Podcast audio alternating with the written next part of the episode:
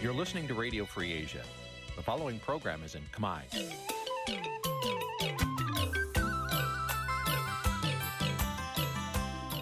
នេះជាកម្មវិធីផ្សាយ Vuthu Azizi Serai នេះជាកម្មវិធីផ្សាយរបស់ Vuthu Azizi Serai ជាភាសាខ្មែរ Vuthu Azizi Serai សូមស្វាគមន៍លោកអ្នកនាងទាំងអស់ពីរដ្ឋធានី Washington នៃសហរដ្ឋអាមេរិក ផ្សាយផ្ទាល់ពីរដ្ឋធានី Washington នាងខ្ញុំសុជីវីសូមជម្រាបសួរលោកអ្នកនាងកញ្ញាដែលកំពុងតាមដានការផ្សាយរបស់ Vuthu Azizi Serai ទាំងអស់ជាទីមេត្រីយើងខ្ញុំសូមជូនកម្មវិធីផ្សាយសម្រាប់យប់ថ្ងៃអាទិត្យ11រោចខែមិគសេឆ្នាំខាលចត្វាស័កពុរសករាជ2566ចាប់ត្រូវនៅថ្ងៃទី19ខែធ្នូគ្រិស្តសករាជ2022ចាជាដំបូងនេះសូមអញ្ជើញលោកអ្នកនាងស្ដាប់ព័ត៌មានប្រចាំថ្ងៃដែលមានមេត្តាដូចតទៅ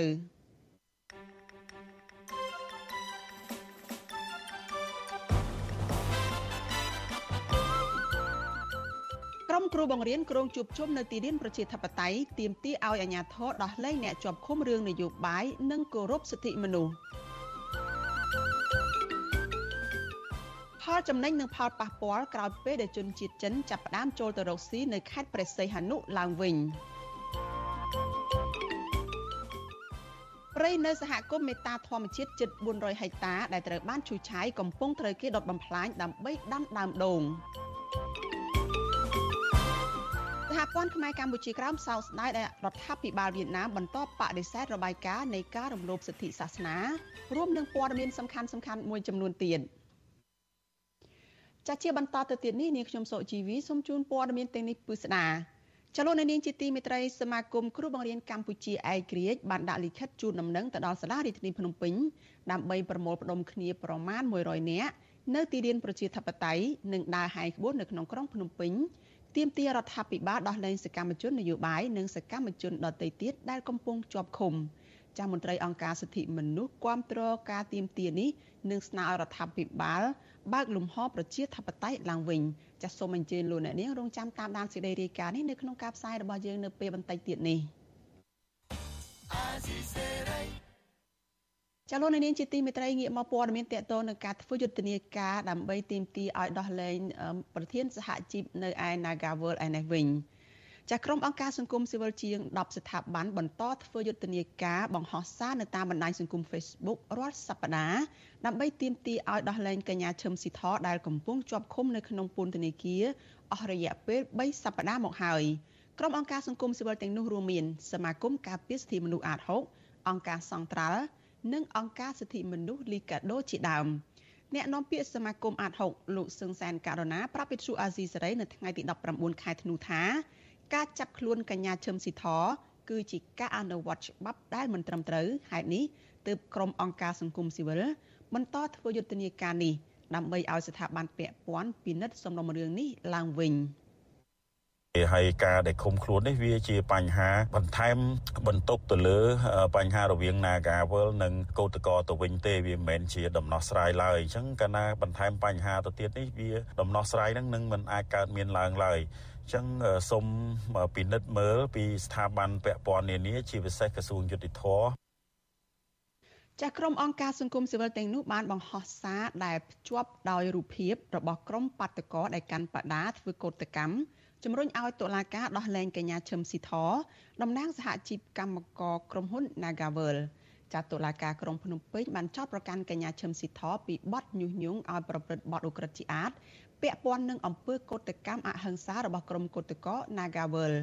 អាញាធរបានចាប់ខ្លួនមេសហជីពរូបនេះដាក់ពន្ធនាគារជាលើកទី1កាលពីខែមករាហើយបានដោះលែងឲ្យនៅក្រៅឃុំបណ្ដោះអាសន្នកាលពីខែមីនាមុននឹងចាប់ខ្លួននាងសាជាថ្មីម្ដងទៀតនៅថ្ងៃទី26ខែវិច្ឆិកាថ្មីថ្មីនេះក្រុមអង្គការទាំងនោះចាត់ទុកការចាប់ខ្លួនកញ្ញាឈឹមស៊ីធដោយលើកយកមូលហេតុថាកញ្ញាមិនបានគោរពតាមលក្ខខណ្ឌដែលដាក់ឲ្យស្ថិតនៅក្រោមការត្រួតពិនិត្យតាមផ្លូវតុលាការ នៅពេលដែលកញ្ញាមិនបានទទួលដីកាជូនដំណឹងពីតុលាការនោះថាគឺជាអំពីលក្ខខណ្ឌទាំងនោះគឺជាការរំលោភសិទ្ធិមនុស្សយ៉ាងធ្ងន់ធ្ងរពួកគេទាមទារឲ្យតុលាការដោះលែងកញ្ញាឈឹមស៊ីថជាបន្ទាន់ដោយឥតលក្ខខណ្ឌ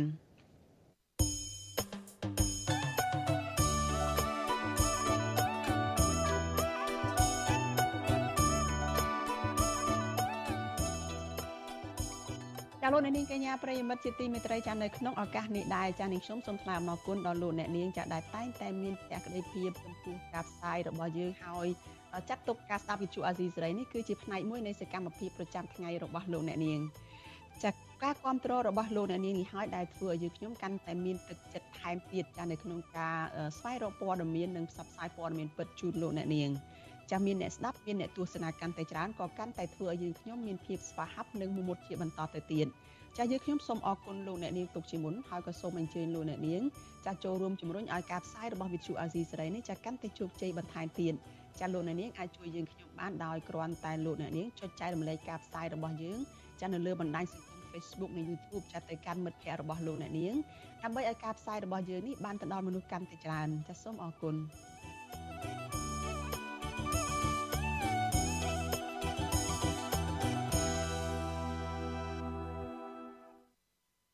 ចាលោកនាងកញ្ញាប្រិយមិត្តជាទីមេត្រីចាលោកអ្នកកំពុងតែតាមដានការផ្សាយរបស់វិទ្យុអាស៊ីសេរីចាប់ផ្សាយចេញពីរដ្ឋធានី Washington សហរដ្ឋអាមេរិកចាព័ត៌មានតកតងនឹងការខិតខំការពារធនធានធម្មជាតិព្រៃឈើឯនេះវិញចាព្រៃសហគមន៍ឧត្តមស្រែពោះឬព្រៃមេតាធម្មជាតិដែលមានទំហំជិត400ហិកតា ដែលក្រមមន្ត្រីយោធាង70បានឈូសឆាយកំទេចក្រោមទម្រង់ផ្ដាល់ដីសម្បត្តិសង្គមសង្គមកិច្ច ជូនគ្រួសារកងទ័ពនៅពេលនេះកំពុងតែបន្តរងការដុតកំទេចចោលចាក្រមយុវជនខ្មែរថាវរៈនិងប្រជាសហគមន៍បានរកឃើញពីភាពមិនប្រក្រតីបន្ថែមទៀតតាក់ទងទៅនឹងការទិញលក់ដីខុសច្បាប់នៅតំបន់នោះចាពីរដ្ឋធានី Washington លោកមានរិទ្ធរាយការណ៍អំពីរឿងនេះក្រមយុវជនខ្មែរថាវរៈនិងប្រជាសហគមន៍រស់នៅភូមិពោមាឃុំតពាំងចូលស្រុកអរ៉ាល់ បញ្ចេញប្រតិកម្មទៅនឹងការដុតគំនរឈើអស់ជាច្រើនហិកតាស្ថិតនៅក្នុងដីព្រៃសហគមន៍ឧត្តមស្រែពោះដែលមិនទាន់ដោះស្រាយរួចរាល់នៅឡើយក្រមយុវជនខ្មែរថាវរៈនិងប្រជាសហគមន៍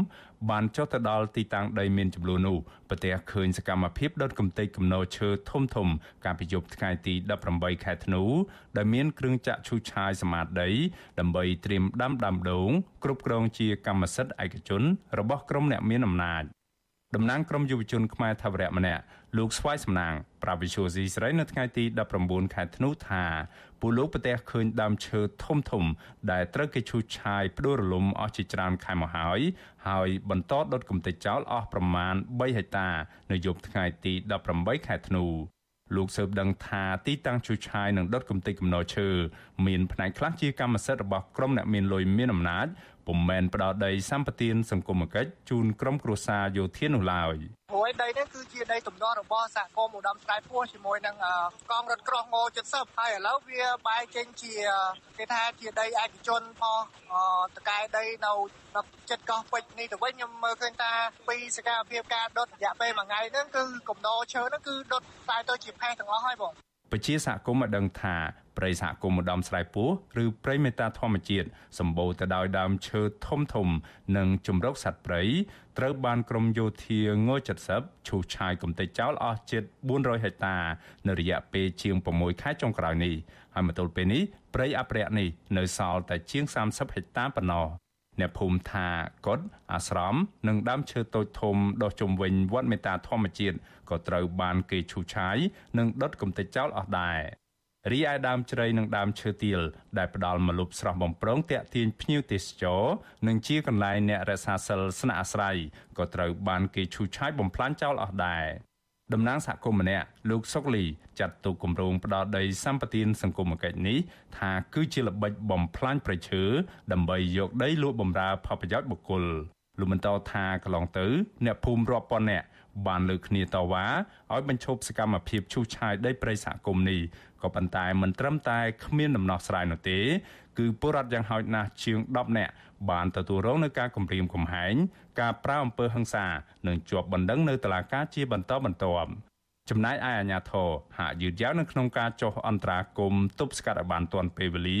ស្របពេលដែលព្រៃអភិរក្សនេះត្រូវបានគេឈូសឆាយអស់ជិត400ហិកតាទើបឃើញអាជ្ញាធរមានវិធានការតាមក្រោយសម្រាប់ប្រជាពលរដ្ឋយើងទាំងអស់គឺចង់បានទុកដីទុកព្រៃសម្រាប់ឲ្យប្រជាពលរដ្ឋយើងមូលដ្ឋានអត្រ័យផលការពារសម្រាប់ឲ្យសត្វព្រៃសត្វអីនៅនឹងមានភ្ញៀវទេសចរមកចូលលេង តែជាស្ដីឥឡូវអាឡែងពីស្រោងឈូសឆាយអស់លីងសត្វក៏រត់ខ្ចាត់ខ្ចាយខ្លះដែរឆ្លើយតបនឹងរឿងនេះអភិបាលខេត្តកំពង់ស្ពឺលោកវីសំណាង មានប្រសាសន៍ថាអាញាធរកំពុងប្រឹងប្រែងដោះស្រាយករណីនេះធ្វើយ៉ាងណាឲ្យប្រជាសហគមន៍មានប្រ័យសម្រាប់អាស្រ័យផលលោកបញ្ជាក់ថាអាញាធរខេត្តបានទទួលរបាយការណ៍ពាក់ព័ន្ធនឹងករណីនេះអស់ហើយនិងកំពុងរកមធ្យោបាយដោះស្រាយក៏ប៉ុន្តែត្រូវប្រើពេលបន្តិចខ្ញុំចង់និយាយរឿងដីសហគមន៍និយាយរឿង ហ្នឹងដែលជាងត្រូវខិតខំដោះស្រាយធ្វើយ៉ាងណាឲ្យប្រជាប្រដ្ឋសហគមន៍ហ្នឹងគាត់នៅតែមានព្រៃសម្រាប់អាស្រ័យផលអស់ជួវល់ជួងអាស្រ័យផ្ដៅរបស់គាត់នៅព្រៃអញ្ចឹងណារឿងហ្នឹងឯងយើងត្រូវគិតគូរ កាលពីថ្ងៃទី26ខែតុលាកន្លងទៅរដ្ឋលេខាធិការនៃក្រសួងមហាផ្ទៃលោកសកសិដ្ឋាបានផ្ញើលិខិតជូនអភិបាលខេត្តកំពង់ស្ពឺលោកវីសំណាងឲ្យជួយទប់ស្កាត់ការបំផ្លិចបំផ្លាញធនធានធម្មជាតិក្នុងព្រៃសហគមន៍ឧត្តមស្រែពោះពីសំណាក់អតីតបញ្ជាការដ្ឋានរថក្រោះកងទ័ពជើងគោកនិងបពពួកស្ថិតនៅក្នុងភូមិចំនួន3នៃឃុំតាពាំងជោស្រុកអរ៉ាល់ ក្រសួងមហាផ្ទៃស្នើឲ្យអភិបាលខេត្តរូបនេះចុះស្រាវជ្រាវនិងដោះស្រាយបញ្ហានេះផ្អែកតាមច្បាប់និងលិខិតបទដ្ឋាននានារួចឆ្លើយតបមកកាន់ក្រសួងវិញព្រៃសហគមន៍ម្ដំស្រែពោះឬហៅថាព្រៃមេតាធម្មជាតិគឺជាផ្នែកមួយនៃដែនជម្រកសត្វព្រៃភ្នំអរ៉ាល់ហើយត្រូវបានចុះបញ្ជីទទួលស្គាល់ជាព្រៃអភិរក្សពីក្រសួងបរិស្ថានកាលពីឆ្នាំ2002 កាលពីខែសីហាឆ្នាំ2021កន្លងទៅរដ្ឋាភិបាលបានចេញអនុក្រឹត្យកាត់ជ្រៀលដីព្រៃសហគមន៍ម្ដំស្រែពោះទំហំជិត300ហិកតាពីដែនជម្រកសត្វព្រៃភ្នំអរ៉ាល់នៅក្នុងភូមិពោមាសឃុំតាពាំងជោស្រុកអរ៉ាល់ដើម្បីបែងចែកជូនក្រុមគ្រួសារយោធិនង70កងរថក្រោះ41គ្រួសារសម្រាប់សាងសង់លំនៅឋាននិងបង្កបង្កើនផល ក្រមយុវជនខ្មែរថាវរៈឲ្យដឹងថាគម្រោងផ្ដោតដីសម្បត្តិសង្គមគិច្ចនេះគឺជាល្បិចភូតភរថ្នាក់ដឹកនាំដើម្បីលក់ដីព្រៃសហគមន៍នេះធ្វើអាជីវកម្មរ៉ែខ្សាច់និងថ្មម៉ាប់បណ្ណហើយដីព្រៃមួយផ្នែកដែលត្រូវគេឈូសឆាយមានក្រុមហ៊ុនឯកជនខ្លះកំពុងមមាញឹកបំខ្សាច់ធ្វើអាជីវកម្មខ្ញុំបានមេរិត Visual C ស្រីរាយការណ៍ពីរដ្ឋធានី Washington ចាលោកនាងកញ្ញាប្រិមិត្តជាទីមេត្រីចាតកតងនឹងការតស៊ូការពារធនធានព្រៃឈើនៅឯព្រៃឧត្តមស្រែពូនេះចានេះខ្ញុំមានសម្ភារផ្ទាល់មួយជាមួយនឹងយុវជនចាដែលបានចុះទៅតំបន់នោះហើយទៅអង្កេតឬក៏ចូលរួមអភិរក្សព្រៃនេះចាសូមជម្រាបសួរលោកស្វាយសំណាងនិងលោកកើតសរាយពីចម្ងាយចាបាទជម្រាបសួរបងបាទជម្រាបសួរបងចា ចាតកតងនឹងព្រៃនេះតើក្រមយុវជន បានធ្វើអ្វីខ្លះទៅ នៅពេលដែលចុះទៅ ទីតាំងព្រៃនឹងចាសូមអញ្ជើញលោកស្វាយសំណាងមុនចាបាទជាដំបូងសូមគោរពជំរាបសួរដល់បងប្អូនជនរួមជាតិដែលកំពុងតែទស្សនាការផ្សាយរបស់វិទ្យុអេស៊ីសេរីនៅពេលនេះបាទកន្លងទៅគឺនៅថ្ងៃទី16ដែលយើងចូលរួមជាមួយនឹងសមាគមសម្ព័ន្ធនិស្សិតបញ្ញវន្តខ្មែរចុះទៅសិក្ខា សាលានៅតំបន់ព្រៃមេតាធម្មជាតិនោះហើយយើងកំពុងតែជជែកគ្នាអំពីកម្មវិធីសិក្សានោះក៏ស្រាប់តែមានអឺក្រុមបពពួកដែលគេតាំងនាមខ្លួនឯងថាជាម្ចាស់ដីគេចុះទៅដល់ទីតាំងនោះហើយក៏បានដុតគំនរឈើដែលគេបានឈូសឆាយកន្លងមកហ្នឹង ដុតកំទេចទាំងអស់ហើយគេក៏បាននិយាយដែរថាការដុតនេះគឺគេក្រងនឹងឈូសក្រោយពីដុតអាកំណោព្រៃទាំងអស់នោះហើយគេនឹងឈូសដីនឹងឲ្យរាបស្មើគេនឹងដាំដាំដូងហើយគេបានបញ្ជាក់ទៀតថាដីនេះគឺជាដីរបស់អឺឈ្មោះម្នាក់ដែលនៅចិត្តកោះពេជ្រនេះហើយក៏យើងអាចបានសួរបញ្ជាក់ផងដែរដោយសារតែពេលហ្នឹងពួកខ្ញុំកំពុងតែជាប់កម្មសិក្សាលើភ្នំ ក៏ប៉ុន្តែមានសមាជិកយុវជនយើងនៅទីតាំងហ្នឹងគាត់បានសួរពីព័ត៌មានដែលគេទៅចុះដុតព្រៃដុតចុះដុតអាកំណោឈើដែលគេឈូសកន្លងទៅហ្នឹងបងចាអឺលោកស្វាយសំណាងដីព្រៃឧត្តមស្រែពោះឬក៏ព្រៃមេតាធម្មជាតិនឹងកន្លងមកនឹងមានទំហំថា400ហិកតាប៉ុន្តែ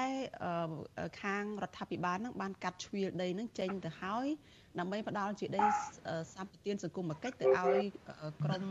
គ្រួសាររបស់យុទ្ធជនឬក៏កងទ័ពនៅង70មិនចឹងតើកន្លែងដែលគេឈូសឆាយកន្លែងដែលមានការដុតព្រៃអីអស់ហ្នឹងកើតនៅលើតំបន់ដែលជាតំបន់អភិរក្សឬក៏តំបន់ដែលកាត់ចេញជ្រៀលចេញដើម្បីផ្ដល់ជាដីសម្បត្តិសង្គមគិច្ចចា៎ បាទដីនេះគឺស្ថិតនៅក្នុងដីទំនាស់របស់សហគមន៍ឧត្តមឆ្លៃពោះជាមួយនឹងកងទ័ពង70ពីព្រោះអីដីទាំងអស់នេះគឺមានអនុក្រឹត្យចេញពីសម្ដេចកលាហោមសោកឃើញកាលពីខែតុលាថាតំបន់នេះគឺមិនទាន់អនុញ្ញាតឲ្យបុគ្គលណាឬមួយក៏ក្រមសហគមន៍ឬមួយក៏ខាងង70ហ្នឹងចូលទៅវិចូលទៅកទៅសនសង កន្លែងហ្នឹងនៅឡើយទេដោយសារតែវាកំពុងតែស្ថិតនៅកន្លែងទំនាស់ហើយជាក់ស្ដែងស្រាប់តែថ្ងៃទី18នេះគឺមានគេទៅអះអាងថាជាដីឯកជនរបស់ខ្លួនហើយទៅកាប់ទៅដុតកំណោឈើនេះខ្ញុំមើលឃើញថាការទាំងអស់នេះគឺមានការខុបខិតរបស់មន្ត្រីដើម្បីចូលរួមកិច្ចប្រវត្តិគេហៅថាបំបត្តិ ព័ត៌មានមួយចំនួនដែលថាគេយកដីហ្នឹងយកមកជូនកងទ័ពង70តែផ្ទុយទៅវិញបែរចេញជាថារបស់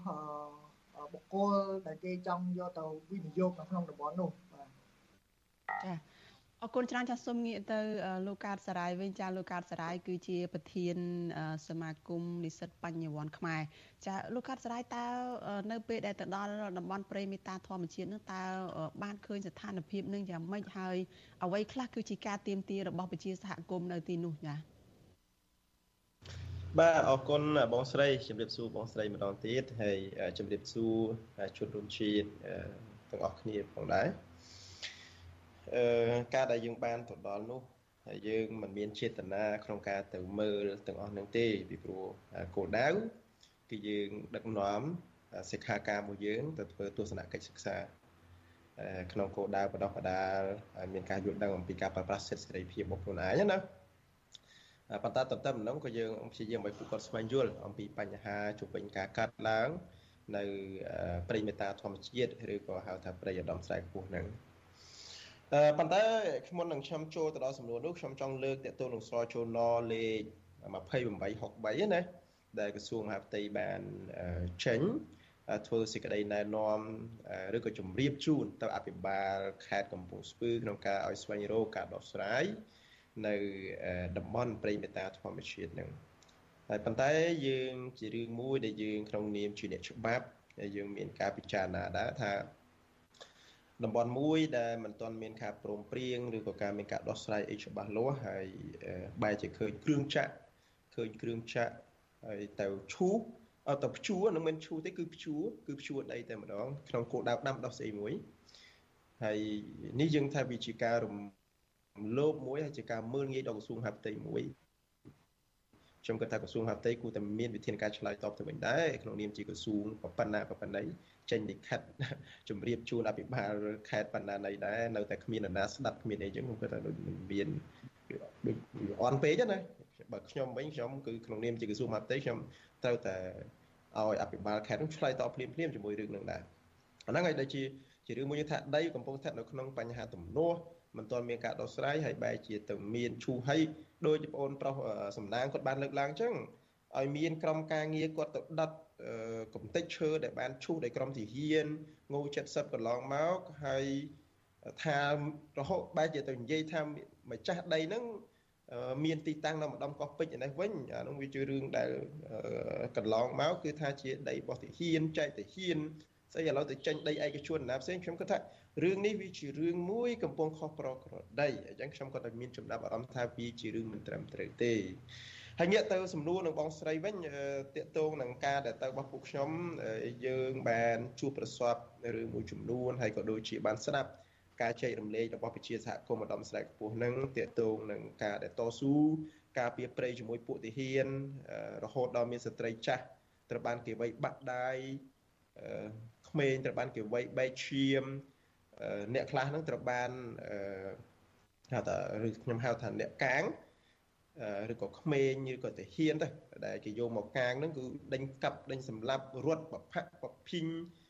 ហើយយើងស្ដាប់ទៅវាហួសចិត្តហើយបាញ់កំភ្លើងគំរាមអីជាដើមនេះយើងគិតថាស្រុកសន្តិភាពមិនគួរណាមានអញ្ចឹងទេហើយខ្ញុំខ្ញុំវាខ្ញុំមិនដឹងថាស្រុកសន្តិភាពមានការនៅបាញ់បោះគ្នាយ៉ាងនេះហើយ ទាំងខ្ញុំទាំងយុវជនអង្គុយស្ដាប់ហ្នឹងគឺវាមានការហួសចិត្តដូច្នេះអាការដែលបានតបរបស់យើងគឺយើងបានឃើញច្រើនជាមួយនឹងបទល្មើសព្រៃឈើក៏មានទៀតហើយសំលេងរណាងោងហ្នឹងក៏លន់លើពេញភ្នំទៅទៀតដូច្នេះខ្ញុំគិតថានេះជាបញ្ហាមួយដែលត្រូវសិក្សាឡើងវិញដែរបាទចាបងលោកកើតសរាយតកតននឹងរឿងនេះដែរហ្នឹងតើផលប៉ះពាល់កើតឡើងយ៉ាងណាខ្លះទៅទៅលើ ប្រជាសហគមន៍ដែលក្រមរបស់លោកដែលថា ជាក្រមយុវជនដែលចូលចិត្តធនធានធម្មជាតិចាស់ធ្វើសិក្ខាសាលាអីទៅធ្វើនៅក្នុងព្រៃជាព្រៃមេតាធម្មជាតិនឹងចាផលប៉ះពាល់នោះយើងមើលឃើញហើយថាព្រៃមេតាធម្មជាតិនេះបើយើងសិក្សាអំពីសារបាន នៅតំបន់នោះវិជាកវិជាសហគមន៍គឺគាត់អាស្រ័យផលនៅតំបន់នោះ អាស្រ័យផលដោយជីវៈចម្រុះនៅក្នុងព្រៃហើយតាមស្ដាប់ហ្នឹងគឺតាមស្ដាប់ព្រះអង្គគ្រូមេតាធម្មជាតិហ្នឹងលោកក៏បានប្រាប់រៀបរាប់តែតែលោកតំណៅដំបងហ្នឹងមានតាំងពីសัตว์ទុនសោងសัตว์ច្រើនណាស់នៅហ្នឹងពួកវានៅជាប់ភ្នំវាភូមិសាស្ត្រព្រៃហ្នឹងគឺវាលយចូលទៅភ្នំហើយវាមានប្រព័ន្ធទឹកនៅហ្នឹងដូច្នេះសัตว์វាចូលចិត្តនៅដូច្នេះនៅពេលដែលមានការកាប់បំផ្លាញទន្ទ្រានហ្នឹងវាជាការបំផ្លាញដល់ជំរក នៃសត្វព្រៃហើយយើងដឹងហើយកម្ពុជាយើងវាសឹងតែដាច់ពូជនៅប្រភេទសត្វកម្រមួយចំនួនទៅហើយហើយដើម្បីរក្សាសត្វបានតើមានព្រៃហើយដើម្បីរក្សាព្រៃទៅបានតើតែមានវិជាសហគមន៍ដែលនៅតំបន់ហ្នឹងគឺគាត់ជាអ្នកចូលរួមនៅក្នុងការការពារប៉ុន្តែនៅពេលដែលមានការបើកដៃហើយមានការបើកអនុញ្ញាតឲ្យមានការទន្ទ្រានព្រៃនេះវាធ្វើឲ្យប្រជាសហគមន៍នឹងបាត់បង់ជីវភាពមួយផ្នែកផង ធ្វើឲ្យគាត់នឹងបាត់បង់នៅផ្នែកជំនឿយើងដឹងហើយអ្នកព្រៃគឺគាត់រស់ជាមួយនឹងជំនឿជាមួយព្រៃនឹងតែម្ដងដូច្នេះវាជាការលុបបំបាត់នៅជំនឿរបស់ប្រជាសហគមន៍តំបន់ព្រៃភ្នំផងវាជាការធ្វើឲ្យបាត់បង់នៅសัตว์ដែលយើងកំពុងតែព្យាយាមថែរក្សាផងវាជាការកំពុងបំផ្លាញនៅកតិកៈសញ្ញាផ្សេងផ្សេងដែលកម្ពុជាធ្លាប់ធ្វើសេចក្ដីបានជាមួយអង្គការសហជីវជាតិក្នុងការចូលរួមការពារព្រៃដើម្បីចូលរួមក្នុងការកាត់បន្ថយនៅការឡើងកម្ដៅនៃផែនដី ទាំងអស់នេះខ្ញុំគិតថាមិនមែនតែប្រជាសហគមន៍មួយទេពិភពលោកទាំងមួយហើយកម្ពុជាខ្ញុំសង្ឃឹមថា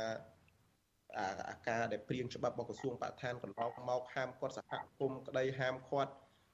យុវជនសកម្មជនអង្គការសង្គមស៊ីវិលមិនឲ្យចូលទៅតំបន់ព្រៃការពារអីមួយចំនួនហ្នឹងខ្ញុំថាវាគួរទៅលុបចោលទៅបើមិនចឹងទេខ្ទេចខ្ទីអស់ហើយវាគ្មានសល់គ្មានស្អីទេហើយខ្ទេចហ្នឹង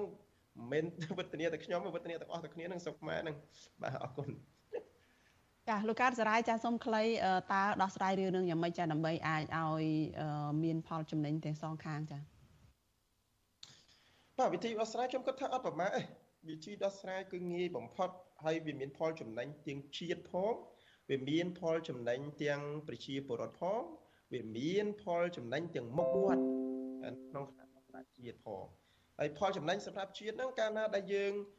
មានការពង្រឹងច្បាប់ឲ្យអភិរក្សនៅតំបន់ព្រៃទាំងអស់ហ្នឹងយើងអាចកែយើងអាចរៀបចំកែលម្អឬក៏ឆ្នៃតែកែឆ្នៃព្រៃរបស់យើងទាំងអស់ឲ្យទៅជាអេកូទេសចរមួយឬក៏កែឆ្នៃឲ្យទៅជាតំបន់ដែលត្រូវបានទទួលការអភិរក្សមួយដែលអាចទាក់ទាញភ្ញៀវទេសចរខ្ញុំគិតថាសិតតែអាចទៅរួចហើយវាជួយដល់ការរស់នៅរបស់ប្រជាពលរដ្ឋនៅតំបន់នឹងផងអាហ្នឹងទី1ហើយទី2ខ្ញុំគិតថា កាលណាដែលយើងមានការរក្សានៅតំបន់ព្រៃហ្នឹងហើយសម័យក្រសួងឬរាជរដ្ឋាភិបាលផ្ទាល់ហ្នឹងយកចិត្តទុកដាក់ក្នុងការធ្វើអាហ្នឹងវាធ្វើឲ្យប្រជាប្រដ្ឋក៏គ្នាអាចរស់នៅជាមួយនឹងប្រពៃណីទំនៀមទម្លាប់ហើយយើងដឹងហើយជាតិសាសន៍មួយគឺมันអាចបំផ្លិចបំបត្តិទំនៀមទម្លាប់ពីបុរាណរបស់ពួកគាត់បានទេហើយដើម្បីរក្សាពួកគាត់បានក៏មានព្រៃឲ្យពួកគាត់បន្តទំនៀមទម្លាប់ជំនឿរបស់ពួកគាត់ដែរហើយទី3កម្ពុជាយើងដឹងហើយកំពុងអាប់អោនមាត់ហើយថ្មីថ្មីនេះទៅយកស្វា ឬព័ត៌មានអាមេរិកយកស្វាទៅជួយដូនអាមេរិកហើយត្រូវអាញាធិបតេយ្យអាមេរិកនឹងចាប់ដាក់ពន្ធនាគារទៅទៀតហើយមន្ត្រីស្រុកខ្មែរអាហ្នឹងហើយជាជារឿងមួយដែលកម្ពុជាគួរតែពិចារណាឡើងវិញហើយធ្វើការដោះស្រាយវាទៅវាចំណេញទាំងអស់ទេបាទចាចំណែកលោកស្វាយសំណាងវិញចាមានអ្វីបន្ថែមចាសូមខ្លីៗចា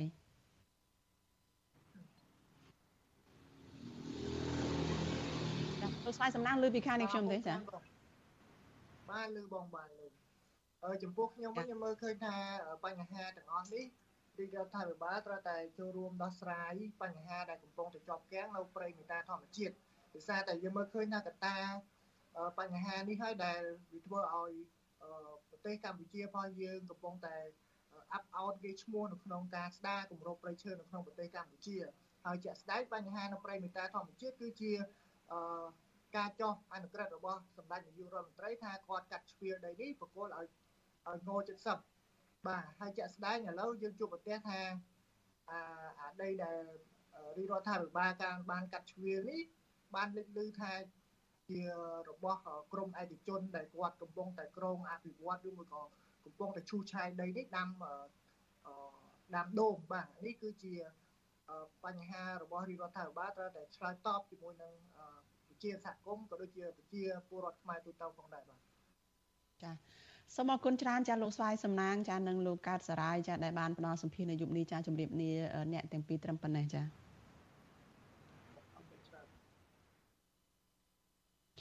ចលនានាងកញ្ញាប្រិយមិត្តជាទីមេត្រីចាប់ព័ត៌មានមួយទៀតចាតកតងនឹងការតវ៉ារបស់ក្រមគ្រូបង្រៀនឯនេះវិញចាសមាគមគ្រូបង្រៀនកម្ពុជាឯករាជ្យបានដាក់លិខិតជូនដំណឹងទៅសាលារាជធានីភ្នំពេញដើម្បីប្រមូលផ្ដុំគ្នាប្រមាណ100នាក់នៅទីលានប្រជាធិបតេយ្យនិងដើរហែកក្បួននៅក្នុងក្រុងភ្នំពេញ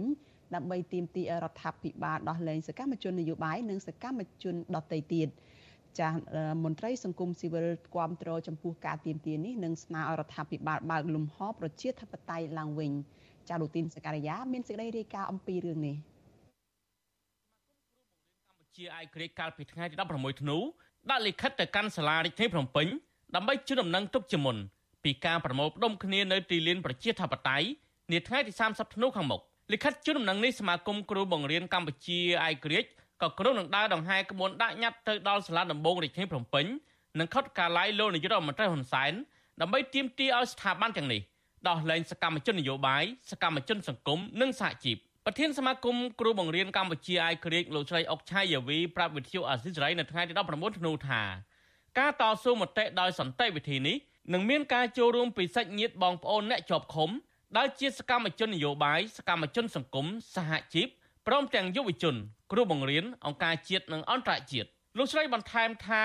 មូលហេតុដែលសមាគមគ្រូបង្រៀនកម្ពុជាអាយក្រិចទាមទារឲ្យអាជ្ញាធរដោះលែងសកម្មជនទាំងនេះព្រោះពួកគេមិនបានប្រព្រឹត្តកំហុសដោយការចោទប្រកាន់របស់តុលាការនោះឡើយហើយសកម្មភាពបំពេញការងាររបស់ពួកគេកន្លងមកគឺធ្វើឡើងក្នុងន័យលើកកម្ពស់សិទ្ធិមនុស្សនិងលទ្ធិប្រជាធិបតេយ្យនៅកម្ពុជាតែប៉ុណ្ណោះ យើងមិនឈរអោបមើលលោកគ្រូ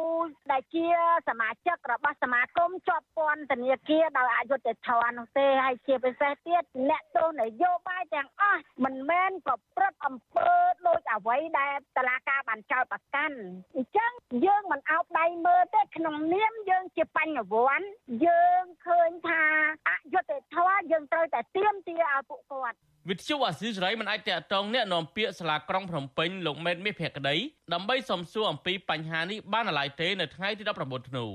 ទោះជាយ៉ាងណាលោកស្រីអុកឆៃយាវីបញ្ជាក់ចំហថាបើទោះបីជាសាលារាជធានីភ្នំពេញមិនអនុញ្ញាតក៏ដោយក៏សមាគមគ្រូបង្រៀនកម្ពុជាអាយក្រិចនឹងប្រមូលផ្ដុំគ្នាសម្ដែងមតិនិងដើរដង្ហែញ៉ាត់ដែរជុំវិញនឹងរឿងនេះនាយកទទួលបន្ទុកកិច្ចការទូតនៅអង្គការលីកាដូលោកអំសំអាត គាំទ្រសកម្មភាពទៀមទារបស់គ្រូបង្រៀនកម្ពុជាឯករាជ្យកម្ពុជាលោកបន្ថែមថាការឃុំខ្លួនរបស់សកម្មជននាពេលកន្លងមកមិនបានឆ្លុះបញ្ចាំងពីការលើកកម្ពស់នីតិរដ្ឋនោះឡើយផ្ទុយទៅវិញការបន្តឃុំខ្លួនសកម្មជនទាំងនេះបង្ហាញពីភាពទន់ខ្សោយក្នុងការអនុវត្តច្បាប់ប្រកបដោយយុត្តិធម៌នៅកម្ពុជាទៅវិញទេលោកអំសំអាតបន្ថែមថាបើទោះបីជាសាលារដ្ឋាភិបាលភ្នំពេញមិនអនុញ្ញាតក្តីក៏សមាគមគ្រូបង្រៀនកម្ពុជាអាយក្រិចនៅតែអាចប្រមូលផ្ដុំមនុស្សនិងដើរដង្ហែញ៉ាត់បាន ព្រោះសកម្មភាពរបស់ពួកគេធ្វើឡើងដោយអហិង្សានិងស្របតាមរដ្ឋធម្មនុញ្ញខ្ញុំចូលថានេះជាសិទ្ធិហើយភាពរបស់ប្រជាពលរដ្ឋនៅក្នុងការបញ្ចេញមតិឬក៏ការទីទីណាព្រោះនៅក្នុងរដ្ឋធម្មនុញ្ញមាត្រា35ស្ថានភាពទី2ទីពីសំណើរបស់ប្រជាពលរដ្ឋត្រូវបានទទួលដោយអង្គការរដ្ឋហើយនឹងសិទ្ធិចារណាការដោះស្រាយជូនពលរដ្ឋសកម្មជននយោបាយសកម្មជនសហជីពនិងសកម្មជនបរិស្ថាន មានជិត60នាក់កំពុងជាប់ឃុំដោយអយុត្តិធម៌នៅពន្ធនាគារក្នុងនោះសមាជិកគ្រូបង្រៀនកម្ពុជាអាយក្រិចចំនួន5នាក់រួមមានដូចជាលោកសុនថុនលោកកៅថៃលោកពីបម៉ាប់ជាដើមកំពុងជាប់ឃុំក្រោមបទចោទញុះញង់និងរួមគំនិតក្បត់ដោយសារតែពួកគេបានចូលរួមធ្វើនយោបាយជាមួយគណៈបកសង្គ្រោះជាតិសកម្មជននយោបាយភាគច្រើនកំពុងតែមានជំងឺប្រចាំកាយបន្ទាប់ពីពួកគាត់បានជាប់ពន្ធនាគារអស់រយៈពេលជិត3ឆ្នាំមកនេះអង្គការសង្គមស៊ីវិលជាតិអន្តរជាតិនិងបណ្ដាទូតប្រជាធិបតេយ្យជាច្រើន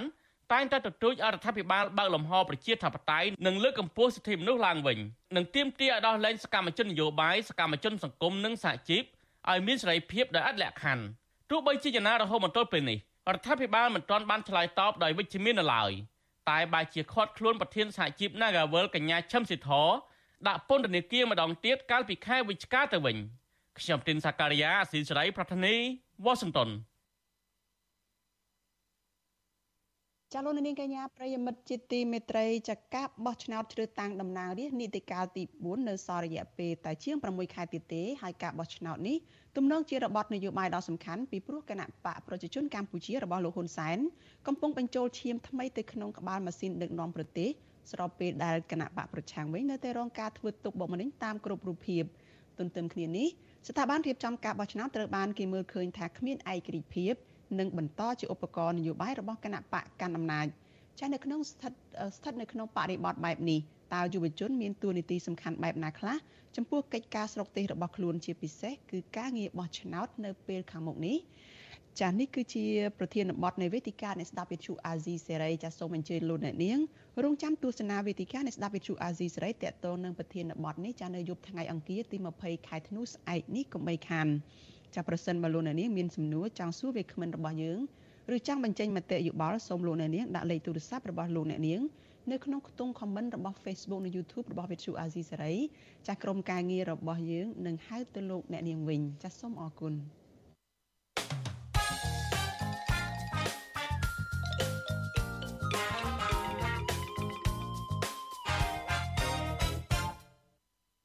ចាលោកនាងកញ្ញាជាទីមេត្រីព័ត៌មានតកតងនឹងកំណើនសេដ្ឋកិច្ចនៅកម្ពុជាវិញចាមូលនិធិរូបិយវត្ថុអន្តរជាតិហៅកាត់ថា IMF ព្យាករថាកំណើនសេដ្ឋកិច្ចកម្ពុជានៅក្នុងឆ្នាំ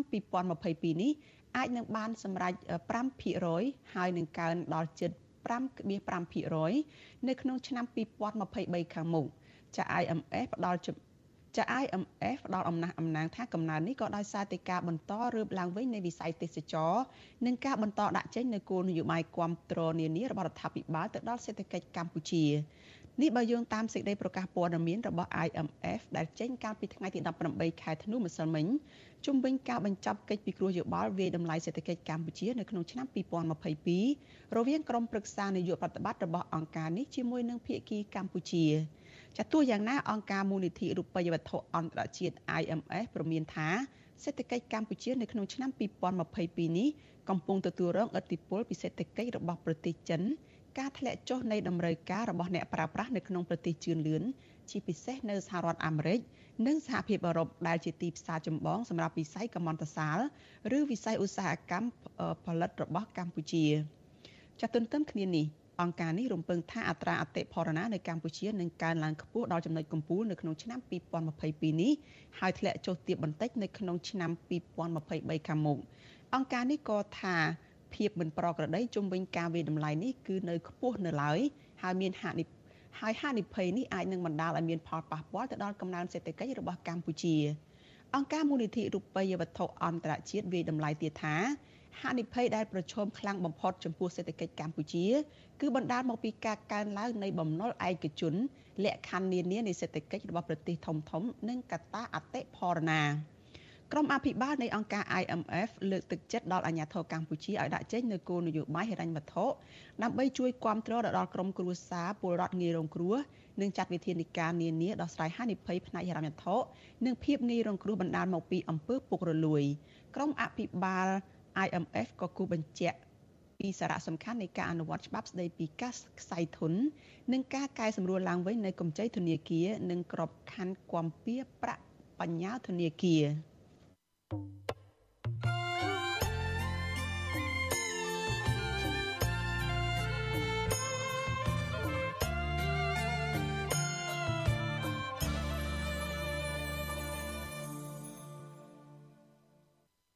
ចាលោកនាងកញ្ញាជាទីមេត្រីចាលោកអ្នកកំពុងតែតាមដានការផ្សាយរបស់វិទ្យុអាស៊ីសេរីចាផ្សាយចេញពីរដ្ឋធានី Washington សហរដ្ឋអាមេរិក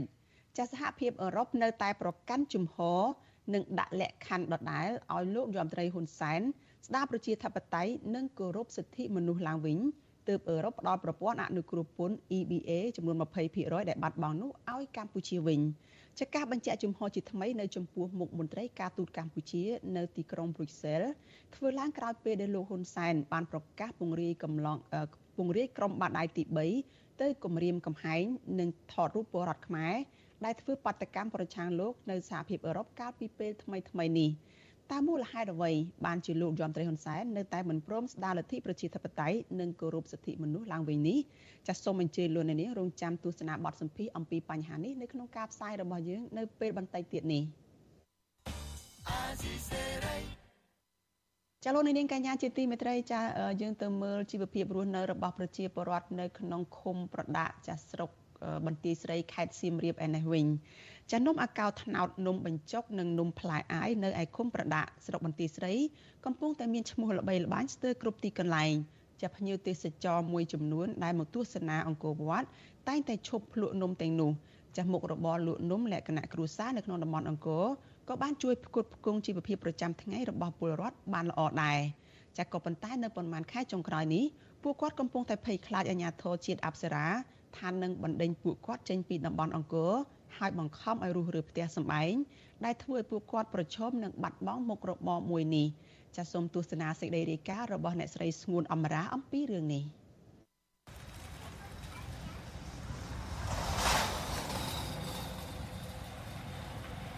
ឃុំព្រះដាក់ស្រុកបន្ទាយស្រីត្រូវបានភ្ញៀវទេសចរនានាស្គាល់ថាជាតំបន់ដែលមានលក់អាហារខ្មែរដ៏សម្បូរបែបនិងវត្ថុអនុស្សាវរីយ៍នានា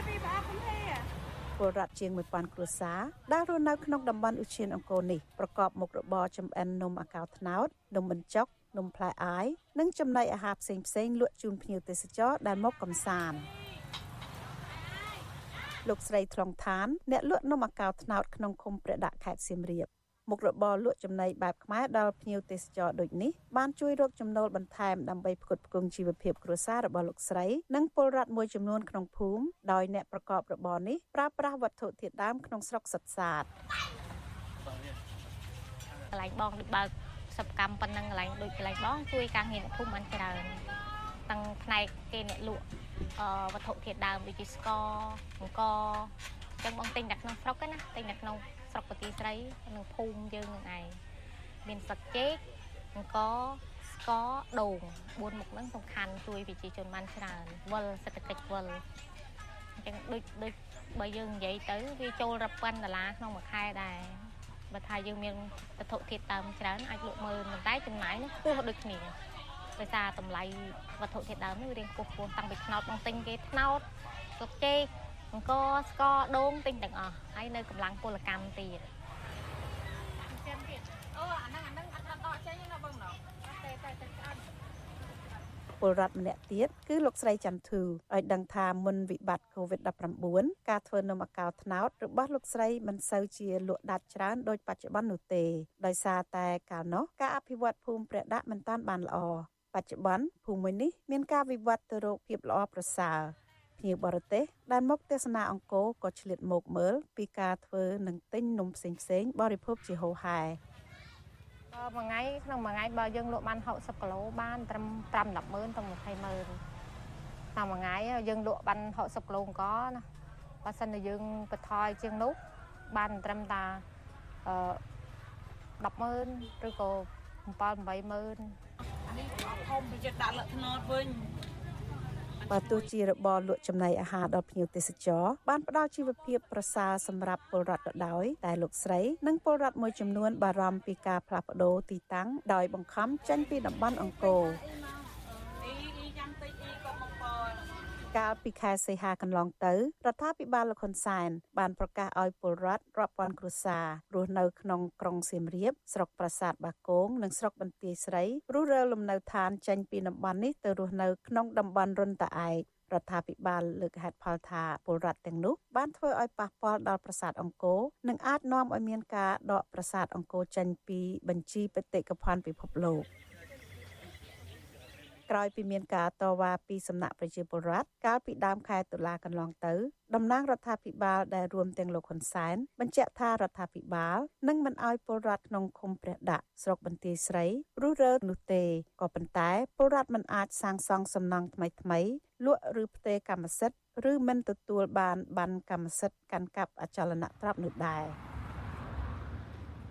ពាក់ព័ន្ធនឹងចំណូលបងផ្ទាល់បងបារម្ភព្រោះ បងធ្លាប់កូវីដរួចហើយបងខ្វះខាតអអញ្ចឹងបងទៅនោះបងប្រៀបបីដូចជាចាប់ផ្ដើមជីវិតថ្មី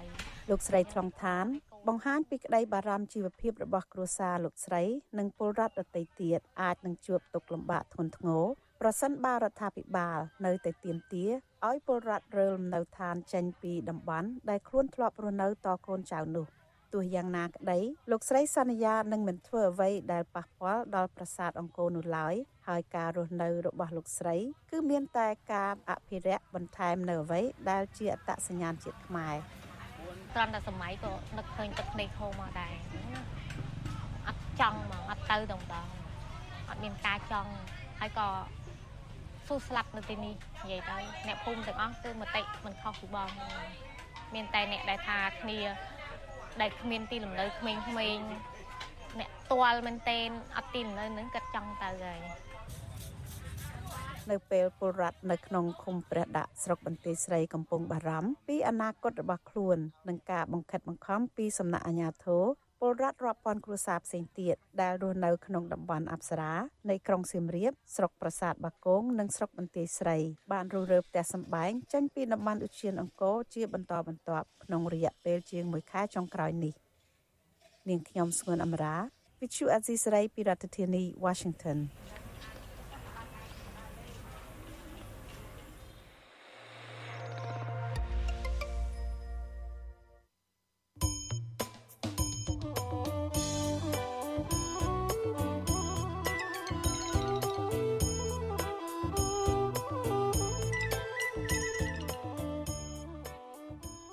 ប្រិយមិត្តជាទីមេត្រីចាដំណើរគ្នានឹងផ្សាយផ្ទាល់តាមបណ្ដាញសង្គម Facebook និង YouTube នេះចាលោករនាងក៏អាចស្ដាប់វិទ្យុអាស៊ីសេរីចាតាមរយៈវិទ្យុរលកធាតុអាកាសខ្លីចាស់ SW តាមកម្រិតនិងកម្ពស់ដូចតទៅនេះពេលព្រឹកចាប់ពីម៉ោង5កន្លះដល់ម៉ោង6កន្លះតាមរយៈ post SW 9.39 MHz ស្មើកម្ពស់ 32m និង post SW 11.85 MHz ស្មើនឹងកម្ពស់ 25m ចាប់ពេលយប់ចាប់ពីម៉ោង7កន្លះដល់ម៉ោង8កន្លះតាមរយៈវិទ្យុ post SW 9.39 MHz ស្មើនឹងកម្ពស់ 32m post SW 11.88 MHz ស្មើនឹងកម្ពស់ 25m និង post SW 15.15 MHz ស្មើនឹងកម្ពស់ 20m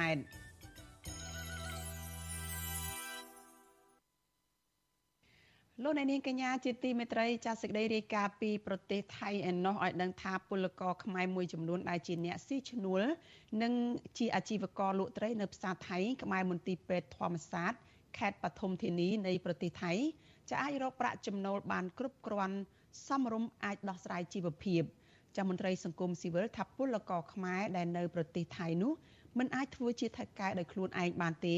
តែអាចរកជនជាតិថៃឈរឈ្មោះជាថៃកែបាន ហើយត្រូវបង់ប្រាក់ទៅឲ្យជនជាតិថៃទាំងនោះទៅតាមកិច្ចសន្យាដែលពួកគេបានព្រមព្រៀងចាសសូមស្ដាប់សេចក្តីរាយការណ៍របស់លោកលេងម៉ាលីអំពីរឿងនេះពលករខ្មែរមួយចំនួន ដែលរស់នៅក្នុងប្រទេសថៃជិត20ឆ្នាំចេះភាសាថៃអាចចរចាគ្នាបានក៏ងាកមកប្រកបរបរជួញដូរដោយខ្លួនឯងដូចជាលក់បន្លែផ្លែឈើលក់បាយម្ហូបក្នុងនោះពលករមួយចំនួនទិញនិងលក់ត្រីកាក់កបគួសមហើយមានជីវភាពធូរធារជាងមុន និងអាចរកប្រាក់សងបំណុលធនាគារនិងផ្គត់ផ្គង់កូនរៀនបានគ្រប់គ្រាន់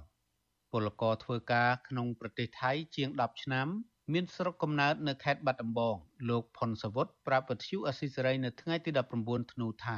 ពីមុនលោកធ្វើការនៅរោងចក្រត្រីខកំប៉ុង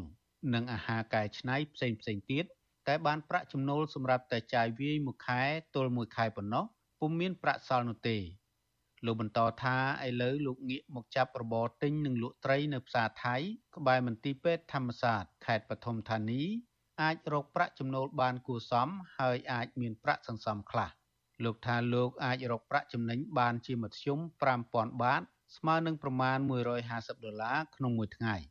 លោកអះអាងថាពលករខ្លះប្រកបរបរលក់ត្រីរហូតមានលុយទិញឡានទំនើបជិះក៏មានដែរ អូច្រើនណាស់បងវាច្រើនវាច្រើនមែនទែនច្រើនណាស់តែតែខ្មែរយើងបងកន្លែងឡាយលក់ត្រីលក់អីទៅតែខ្មែរបណ្ដោយគេឈ្មោះអាកន្លែងអ្នកលក់ទៅឈ្មោះតកែទៅហ្នឹងហើយហើយយើងលក់គាត់គេយកចំណេញពីយើង1គីឡូ2 3បាតចឹងទៅយើងចេញពីលក់ឲ្យគេតចំណេញ2បាតដែរទៅណាហ្នឹងហើយអូអ្នកគេរកបានគេរកបាននេះនេះពេញឡានជិះស្នឹកស្នឹកណាចាអូអ្នកអ្នកគេរកបានគេរកបានណានៅផ្សារដែលពលករខ្មែរលក់ត្រីនេះជាផ្សារធំមួយរបស់ថៃស្ថិតក្នុងខេត្តបឋមធានី ហើយការនាំចូលត្រីទាំងទឹកសាបនិងទឹកប្រៃមានចំនួនរាប់តោនក្នុងមួយថ្ងៃមួយថ្ងៃក្រៅពីត្រីក៏មានបង្គា បង្កងមឹកខ្យងក្តាមសាច់មាន់សាច់ទាសាច់ជ្រូកសាច់គោដែលមានអាជីវករខ្មែរលក់ដូរដោយខ្លួនឯងខ្លះស៊ីឈ្នួលលក់ឲ្យថៅកែថៃខ្លះមានចំនួនប្រមាណ500នាក់ស្រដៀងគ្នានេះដែរពលករខ្មែរម្នាក់ទៀតដែលលក់ត្រីនៅផ្សារថៃ មានស្រុកកំណើតនៅខេត្តស្វាយរៀងលោកច័ន្ទសៃយ័នប្រាប់ថា លោកមកធ្វើការនិងរស់នៅប្រទេសថៃជិត20ឆ្នាំហើយហើយមិនដែលបានត្រឡប់ទៅស្រុកកំណើតវិញទេលោកបន្តថាលោកធ្លាប់ធ្វើការសំណង់និងធ្វើការតាមកំពង់ផែជាអ្នកលើកដាក់ត្រី តែឥឡូវលោកងាកមកជួយលក់ត្រីនៅផ្សាររកប្រាក់កម្រៃបានខ្លះសម្រាប់ដោះស្រាយការចាយវាយប្រចាំថ្ងៃប៉ុន្តែលោកថាការងារនេះនឿយហត់បន្តិចព្រោះលោកត្រូវក្រោកពីម៉ោង12យប់ហើយសម្រាប់ការងារនៅម៉ោង3រសៀល លោកបន្ថែមថាលោកអាចលក់ត្រីរកចំណូលបានប្រហែល2000បាត ស្មើនឹងជាង50ដុល្លារក្នុងមួយថ្ងៃ ដែលអាចឲ្យលោកមានជីវភាពសមរម្យខ្ញុំធ្វើការគេបងខ្ញុំធ្វើការនៅផែត្រីលក់ត្រីលក់អីច្រើនណាស់បងរឹបម៉ឺនបងរឹបម៉ឺនច្រើនរដ្ឋថៃច្រើនទៅតែខ្មែរនិងប្រមាច្រើនអត់ទេបងនៅទីនេះមានហ៎គេថាថ្ងៃបើកមួយថ្ងៃបង វិទ្យុអស៊ីសេរីមិនអាចតាក់ទងសុំការអធិប្បាយជុំវិញបញ្ហានេះពីស្ថានទូតកម្ពុជាផ្នែកពលករប្រចាំប្រទេសថៃបានទេនៅថ្ងៃទី19ធ្នូដោយសារទូរស័ព្ទហៅចូលច្រើនដង តែពុំមានអ្នកទទួលជុំវិញរឿងនេះដែរមន្ត្រីគម្រោងនៃមជ្ឈមណ្ឌលសម្ព័ន្ធភាពការងារនិងសិទ្ធិមនុស្សហៅកាត់ថាអង្គការសង្ត្រាល់លោកលឹងសុផុនលើកឡើងថាពលករខ្មែរដែលធ្វើការក្នុងប្រទេសថៃហើយមានបំណងចង់លក់ដូរដោយខ្លួនឯង គឺត្រូវរកជនជាតិថៃចូលឈ្មោះឲ្យទើបស្របច្បាប់ថៃលោកបន្តថាបើពលករខ្មែរលក់ដូរដែលធ្វើថៅកែខ្លួនឯងអាចរកចំណូលបានគ្រាន់បើដែរតែត្រូវប្រឈមនឹងការផាកពិន័យរបស់អាជ្ញាធរថៃព្រោះជនបរទេសនៅថៃមិនអាចប្រកបអាជីវកម្មបែបនេះដោយខ្លួនឯងបានទេ។ តាមហាងលក់បាយអញ្ចឹងឬក៏លក់អីផ្សេងផ្សេងដូចជាលក់ត្រីដូចជាលក់សាច់លក់អីហ្នឹងគឺត្រូវតែជាពលករគាត់មិនអាចធ្វើជាថកែផ្ទាល់ខ្លួនបានទេបាទអាហ្នឹងនឹងតាមច្បាប់ដែលបានកំណត់មកណាបាទបើសិនជាគាត់ធ្វើធ្វើការបែបហ្នឹងគួរណាតែមានតកែមិនថាធ្វើមានតកែអ្នករ៉ាប់រងអ្នកចេញឯកសារឲ្យអ្នកតវីសាឲ្យអ្នកដែលចេញលិខិតធ្វើការឲ្យអញ្ចឹងណាបាទបើសិនជាគាត់ធ្វើខ្លួនឯងហ្នឹងផ្ទុយពីច្បាប់ពលករខ្មែរដែលធ្វើការនៅ ផ្សារថៃមួយនេះមានប្រមាណ10000នាក់ ហើយពួកគាត់ធ្វើការផ្នែកផ្សេងផ្សេងគ្នា មានដូចជា អ្នកលក់ត្រី អ្នកលក់សាច់កម្មករលីសែងបន្លែផ្លែឈើអ្នកលក់បន្លែ អ្នកលក់ផ្លែឈើពោតសណ្ដែកល្ពៅ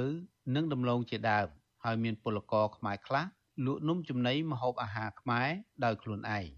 ខ្ញុំបាទលេងម៉ាលីវិទ្យុអស៊ីសេរីពីរដ្ឋធានី Washington ា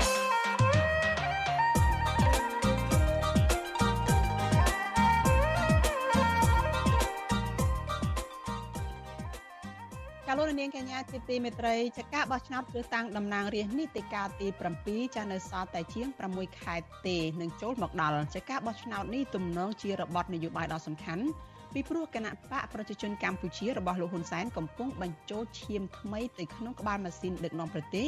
ស្របពេលដែលគណៈបកប្រឆាំងនៅតែរងការធ្វើទុកបុកម្នេញតាមគ្រប់រូបភាព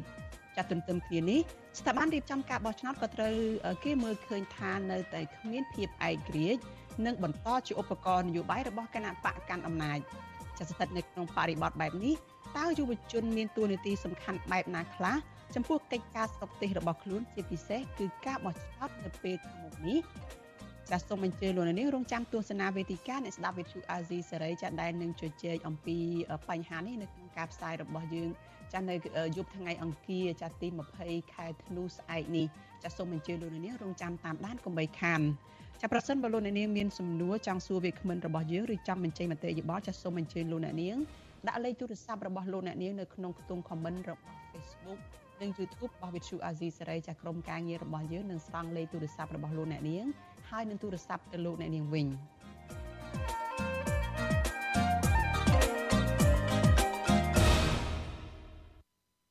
លោកលោកអ្នកនាងជាទីមេត្រីចាសហភាពអឺរ៉ុបនៅតែប្រកាន់ជំហរនិងដាក់លក្ខខណ្ឌដដែលឲ្យលោកយមត្រីហ៊ុនសែនស្ដារប្រជាធិបតេយ្យនិងគោរពសិទ្ធិមនុស្សឡើងវិញទើបអឺរ៉ុបផ្ដល់អប្រព័ន្ធអនុគ្រោះពន្ធ EBA ចំនួន20%ដែលបាត់បង់នោះឲ្យមកកម្ពុជាវិញចាការបញ្ជាក់ជា ចាការបញ្ជាក់ជំហរជាថ្មីនៅចំពោះមុខមន្ត្រីការទូតកម្ពុជានៅទីក្រុងប្រូសែលនេះធ្វើឡើងក្រោយពេលដែលលោកហ៊ុនសែនបានប្រកាសពង្រាយក្រុមបាតដៃទី3ចាទៅគម្រាមកំហែងនិងតាមថតរូបពលរដ្ឋខ្មែរដែលទៅធ្វើបាតុកម្មប្រឆាំងនឹងលោកនៅសហភាពអឺរ៉ុបកាលពីពេលថ្មីថ្មីនេះចាតើមូលហេតុអ្វីបានជាលោកនាយករដ្ឋមន្ត្រីហ៊ុនសែន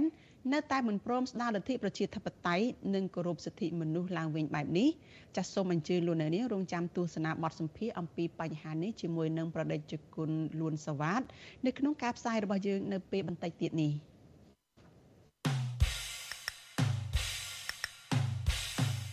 នេតិខ្មែរកម្ពុជាក្រោម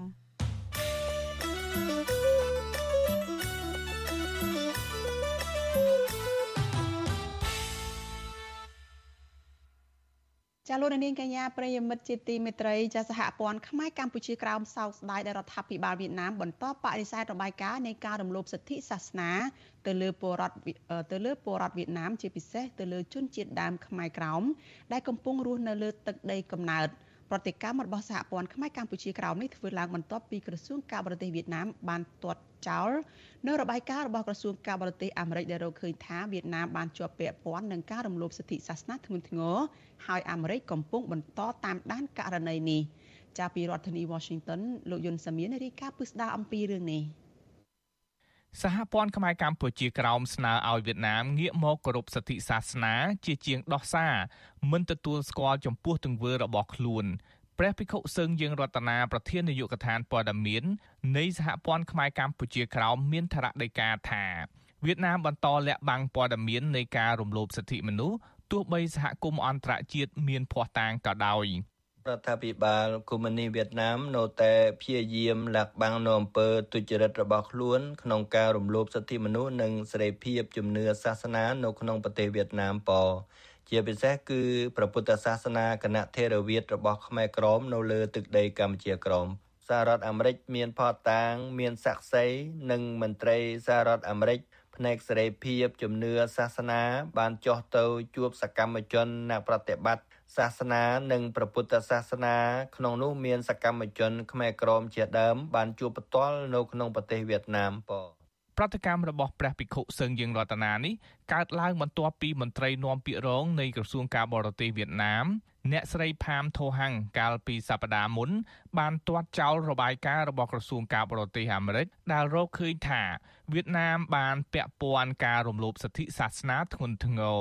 សហរដ្ឋអាមេរិកកាលពីដើមខែធ្នូបានដាក់ប្រទេសវៀតណាមក្នុងបញ្ជីឃ្លាំមើលជាប្រទេសចូលរួមឬការធ្វើឲ្យមានការរំលោភសិទ្ធិសេរីភាពសាសនាធ្ងន់ធ្ងរទោះបីជាយ៉ាងណាសហរដ្ឋអាមេរិកមិនទាន់ដាក់ប្រទេសវៀតណាមក្នុងក្រុមប្រទេសមានក្តីបារម្ភនៃការរំលោភសិទ្ធិសាសនាធ្ងន់ធ្ងរនៅឡើយទេបច្ចុប្បន្ននេះសហរដ្ឋអាមេរិកបន្តឃ្លាំមើលស្ថានភាពសេរីភាពសាសនានៅវៀតណាមនៅឡើយរដ្ឋមន្ត្រីក្រសួងការបរទេសសហរដ្ឋអាមេរិក លោក Anthony Blinken មានប្រសាសន៍កាលពីថ្ងៃទី2ធ្នូនៅពេលដាក់ប្រទេសវៀតណាមក្នុងបញ្ជីតាមដានថានៅជុំវិញពិភពលោកនេះមានរដ្ឋាភិបាលនិងក្រុមខ្លះបានគម្រាមកំហែងចាប់មនុស្សដាក់ពន្ធនាគារឬសម្លាប់ដោយសារតែជំនឿសាសនារបស់បុគ្គលនោះលោកបន្តថាមានករណីខ្លះរដ្ឋាភិបាលនៃប្រទេសខ្លះបានបំបិទសិទ្ធិសេរីភាពសាសនា ឬជំនឿដើម្បីផលប្រយោជន៍នយោបាយកត្តានេះបានបណ្ដាលឲ្យមានការបែងចែកដោយឈឺចាប់ បង្កផលប៉ះពាល់ដល់ស្ថិរភាពសេដ្ឋកិច្ចនិងគំរាមកំហែងដល់ស្ថិរភាពនយោបាយនិងសន្តិភាពលោក Anthony Blinken ថាសហរដ្ឋអាមេរិកមិនឈរអោបដៃមើលការរំលោភបំពានទាំងនេះទេចាប់តាំងពីឆ្នាំ2018មករដ្ឋាភិបាលវៀតណាមបានឲ្យអាជ្ញាធរតាមដាន វិហារសាសនា ដែលមានឫសគល់ពីប្រទេសកូរ៉េខាងត្បូងដោយឡែកសហព័ន្ធខ្មែរកម្ពុជាក្រោមក៏រកឃើញថាអាញាធរវៀតណាមបានរដ្ឋបិទការប្រតិបត្តិសាសនា របស់ខ្មែរកម្ពុជាក្រោមផងដែរការរំលោភបំពានទាំងនោះរួមមាន កាលពីចុងខែវិច្ឆិកាអាញាធរវៀតណាមបានហាមឃាត់ប្រសង់ខ្មែរក្រោមមិនឲ្យនិមន្តបិណ្ឌបាត ដោយប្រើម៉ូតូកង់3ពួកគេបានចាប់និងរឹបអូសម៉ូតូកង់3ដែលព្រះសង្ឃខ្មែរក្រោមប្រើប្រាស់ជាមធ្យោបាយ សម្រាប់ព្រះសង្ឃគង់នៅវត្តមង្គលបុរីទ្រនំសេកនិមន្តបិណ្ឌបាត និងទេសនាតាមផ្ទះពលរដ្ឋកាលពីខែមីនាព្រះសង្ឃនិងពុទ្ធបរិស័ទខ្មែរក្រោមបានលើកគ្នាតវ៉ាប្រឆាំងអាញាធរវៀតណាមខេត្តលង្ហោដែលប៉ុនប៉ងកាប់យកដើមកុកីដែលមានអាយុជាង700ឆ្នាំដែលជាកេរដំណែលរបស់វត្តមង្គលបុរីទនំសេកអាញាធរវៀតណាមនៅខេត្តលង្ហោនេះ កាលពីខែតុលាក៏បាននាំគ្នាទៅបំផ្លាញទីតាំងសាលាឆទានរបស់ពលរដ្ឋខ្មែរក្រោមមួយកន្លែង នៅឃុំកំពង់ស្រុកប្រាសាទថ្មីខេត្តលង្ហោដែលបានសាងសង់កាលពីដើមឆ្នាំ2021ពាក់ព័ន្ធទៅនឹងរឿងនេះប្រធានគណៈកម្មការទទួលបន្ទុកសេរីភាពសាសនាអន្តរជាតិសហរដ្ឋអាមេរិកលោក Frederick Davy កាលពីពេលថ្មីថ្មីនេះបានស្នើដល់រដ្ឋាភិបាលវៀតណាមឲ្យបញ្ឈប់ការព្យាយាមទៅវាយបំផ្លាញសាលាឆទានរបស់ពលរដ្ឋខ្មែរក្រោម ពាក់ព័ន្ធទៅនឹងការរំលោភសិទ្ធិសាសនានេះអ្នកស្រីផាមធូហាំងប្រាប់អ្នកសារព័ត៌មានថារបាយការណ៍របស់សហរដ្ឋអាមេរិកជារបាយការណ៍មិនត្រឹមត្រូវនិងលំអៀងអ្នកស្រីបន្តថាវៀតណាមបានត្រៀមខ្លួនជាស្រេចហើយ ក្នុងការជជែកនឹងសហរដ្ឋអាមេរិកដោយស្មោះត្រង់និងបើកចំហ ដើម្បីលើកដំកើងទំនាក់ទំនងជាទ្វេភាគីទោះបីជាយ៉ាងណាព្រះភិក្ខុសឹងយើងរតនាសំណុំពរឲ្យវៀតណាម ត្រូវគោរពសិទ្ធិសាសនារបស់ជនជាតិដើម ជាពិសេសខ្មែរក្រោមដែលកំពុងរស់នៅលើទឹកដីកំណើតបសហព័ន្ធខ្មែរកម្ពុជាក្រមសូមអំពាវនាវដល់រដ្ឋាភិបាលសហរដ្ឋអាមេរិកពត្រូវតែតាមដាននៅសកម្មភាព និងទង្វើរបស់ រដ្ឋាភិបាលកុម្មុយនីសវៀតណាមក្នុងការគោរពសិទ្ធិមនុស្សនិងសេរីភាពជំនឿសាសនានៅក្នុងប្រទេសវៀតណាមរដ្ឋាភិបាលកុម្មុយនីសវៀតណាមត្រូវតែគោរពសិទ្ធិចំពោះបរតខ្មែរក្រមដែលប្រតិបត្តិព្រះពុទ្ធសាសនានៅដែនដីកម្ពុជាក្រមរបាយការណ៍សេរីភាពសាសនារបស់ក្រសួងការបរទេសសហរដ្ឋអាមេរិកសម្រាប់ឆ្នាំ2021ផ្សាយកាលពីខែមិថុនាសរសេរថា រដ្ឋធម្មនុញ្ញវៀតណាមអនុញ្ញាតឲ្យពលរដ្ឋមានសិទ្ធិជ្រើសរើសជំនឿនិងសាសនាប៉ុន្តែច្បាប់វៀតណាមក៏អនុញ្ញាតឲ្យអាជ្ញាធរដាក់កំហិតលើការប្រតិបត្តិសេរីភាពសាសនាដោយសំអាងលើបញ្ហាសន្តិសុខជាតិនិងរបៀបរៀបរយសង្គមរបាយការណ៍ឲ្យដឹងថាមេដឹកនាំសាសនាដែលវៀតណាមមិនទទួលស្គាល់តែងតែរងការធ្វើទុកបុកម្នេញរួមទាំងការចាប់ដាក់ពន្ធនាគារនិងទទួលរងអំពើហិង្សាជាដើម។ ស្ថានភាពសេរីភាពផ្នែកសាសនាវៀតណាមសម្រាប់ឆ្នាំ2020និង2019មានលក្ខណៈស្រដៀងគ្នាដែរគឺរដ្ឋាភិបាលវៀតណាម នៅតែសកម្មក្នុងការធ្វើទុកបុកម្នេញផ្នែកសេរីភាពសាសនាលើក្រុមសហគមន៍ជនជាតិដើម រួមមានក្រុមម៉ុងតាញ៉ាជាដើមខ្ញុំយុនសាមៀនវិទ្យុអាស៊ីសេរីប្រធានាធិបតី Washington ចាលោកនាងកញ្ញាជាទីមេត្រីចាចំពោះលោកនាងដែលកំពុងតែតាមដានការផ្សាយរបស់វិទ្យុអាស៊ីសេរីចានៅលើវិទ្យុរលកធាតុអាកាសខ្លីចា SW ចានៅពេលបន្តិចទៀតនេះចាលោកនាងមិនលឺការផ្សាយរបស់យើងទេហើយនេះខ្ញុំចាជម្រាបលាលោកអ្នកត្រឹមតែប៉ុណ្ណេះសិនចាចំពោះលោកនាងដែលកំពុងតែតាមដានការផ្សាយរបស់វិទ្យុអាស៊ីសេរី ចានៅលើបណ្ដាញសង្គមចាទាំងបណ្ដាញសង្គម Facebook និង YouTube ចាសូមបន្តតាមដានការផ្សាយរបស់យើងជាបន្តទៅទៀតចានៅក្នុងកម្មវិធីផ្សាយជាបន្តទៅទៀតនេះចាគឺរយៈពេល30នាទីបន្តទៅទៀតនេះចាលោកទីនសការីយ៉ានឹងចូលមកសម្របសម្រួលកិច្ចសម្ភារជាមួយនឹងបដិជ្ញប្រគុណលួនសវ៉ាតតតងនឹង សហភាពអឺរ៉ុបថានៅតែប្រកាន់ជំហរនិងដាក់លក្ខខណ្ឌដដែលឲ្យលោកយមត្រីហ៊ុនសែនស្ដារប្រជាធិបតេយ្យនិងសិទ្ធិមនុស្សឡើងវិញទើបអឺរ៉ុបផ្ដល់ប្រព័ន្ធអនុគ្រោះពន្ធ EBA 20%ដែលបាត់បង់នោះឲ្យមកកម្ពុជាវិញចាការបញ្ជាក់ជំហរជាថ្មីនេះនៅចំពោះមុខមន្ត្រីការទូតកម្ពុជា នៅឯទីក្រុងប្រុកសែល គឺធ្វើឡើងនៅក្រៅពេលដែលលោកយមត្រីហ៊ុនសែនបានប្រកាសពង្រាយក្រុមបាតដៃទី3ចាស់ទៅគម្រាមកំហែងនិងតាមថតរូបពលរដ្ឋខ្មែរដែលធ្វើបាតុកម្មប្រឆាំងនឹងលោកនៅសហភាពអឺរ៉ុបនាពេលថ្មីថ្មីនេះ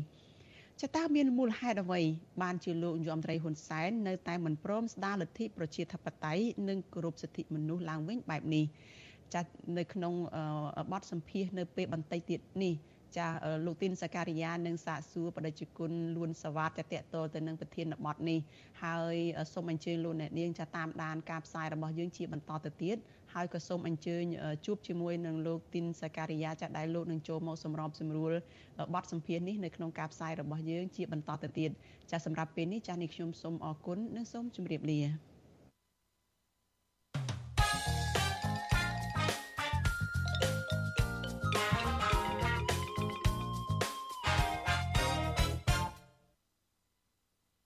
ខ្ញុំបាទទីនសាករិយាសូមជម្រាបសួរលោកអ្នកកញ្ញាទាំងអស់ជាទីមេត្រី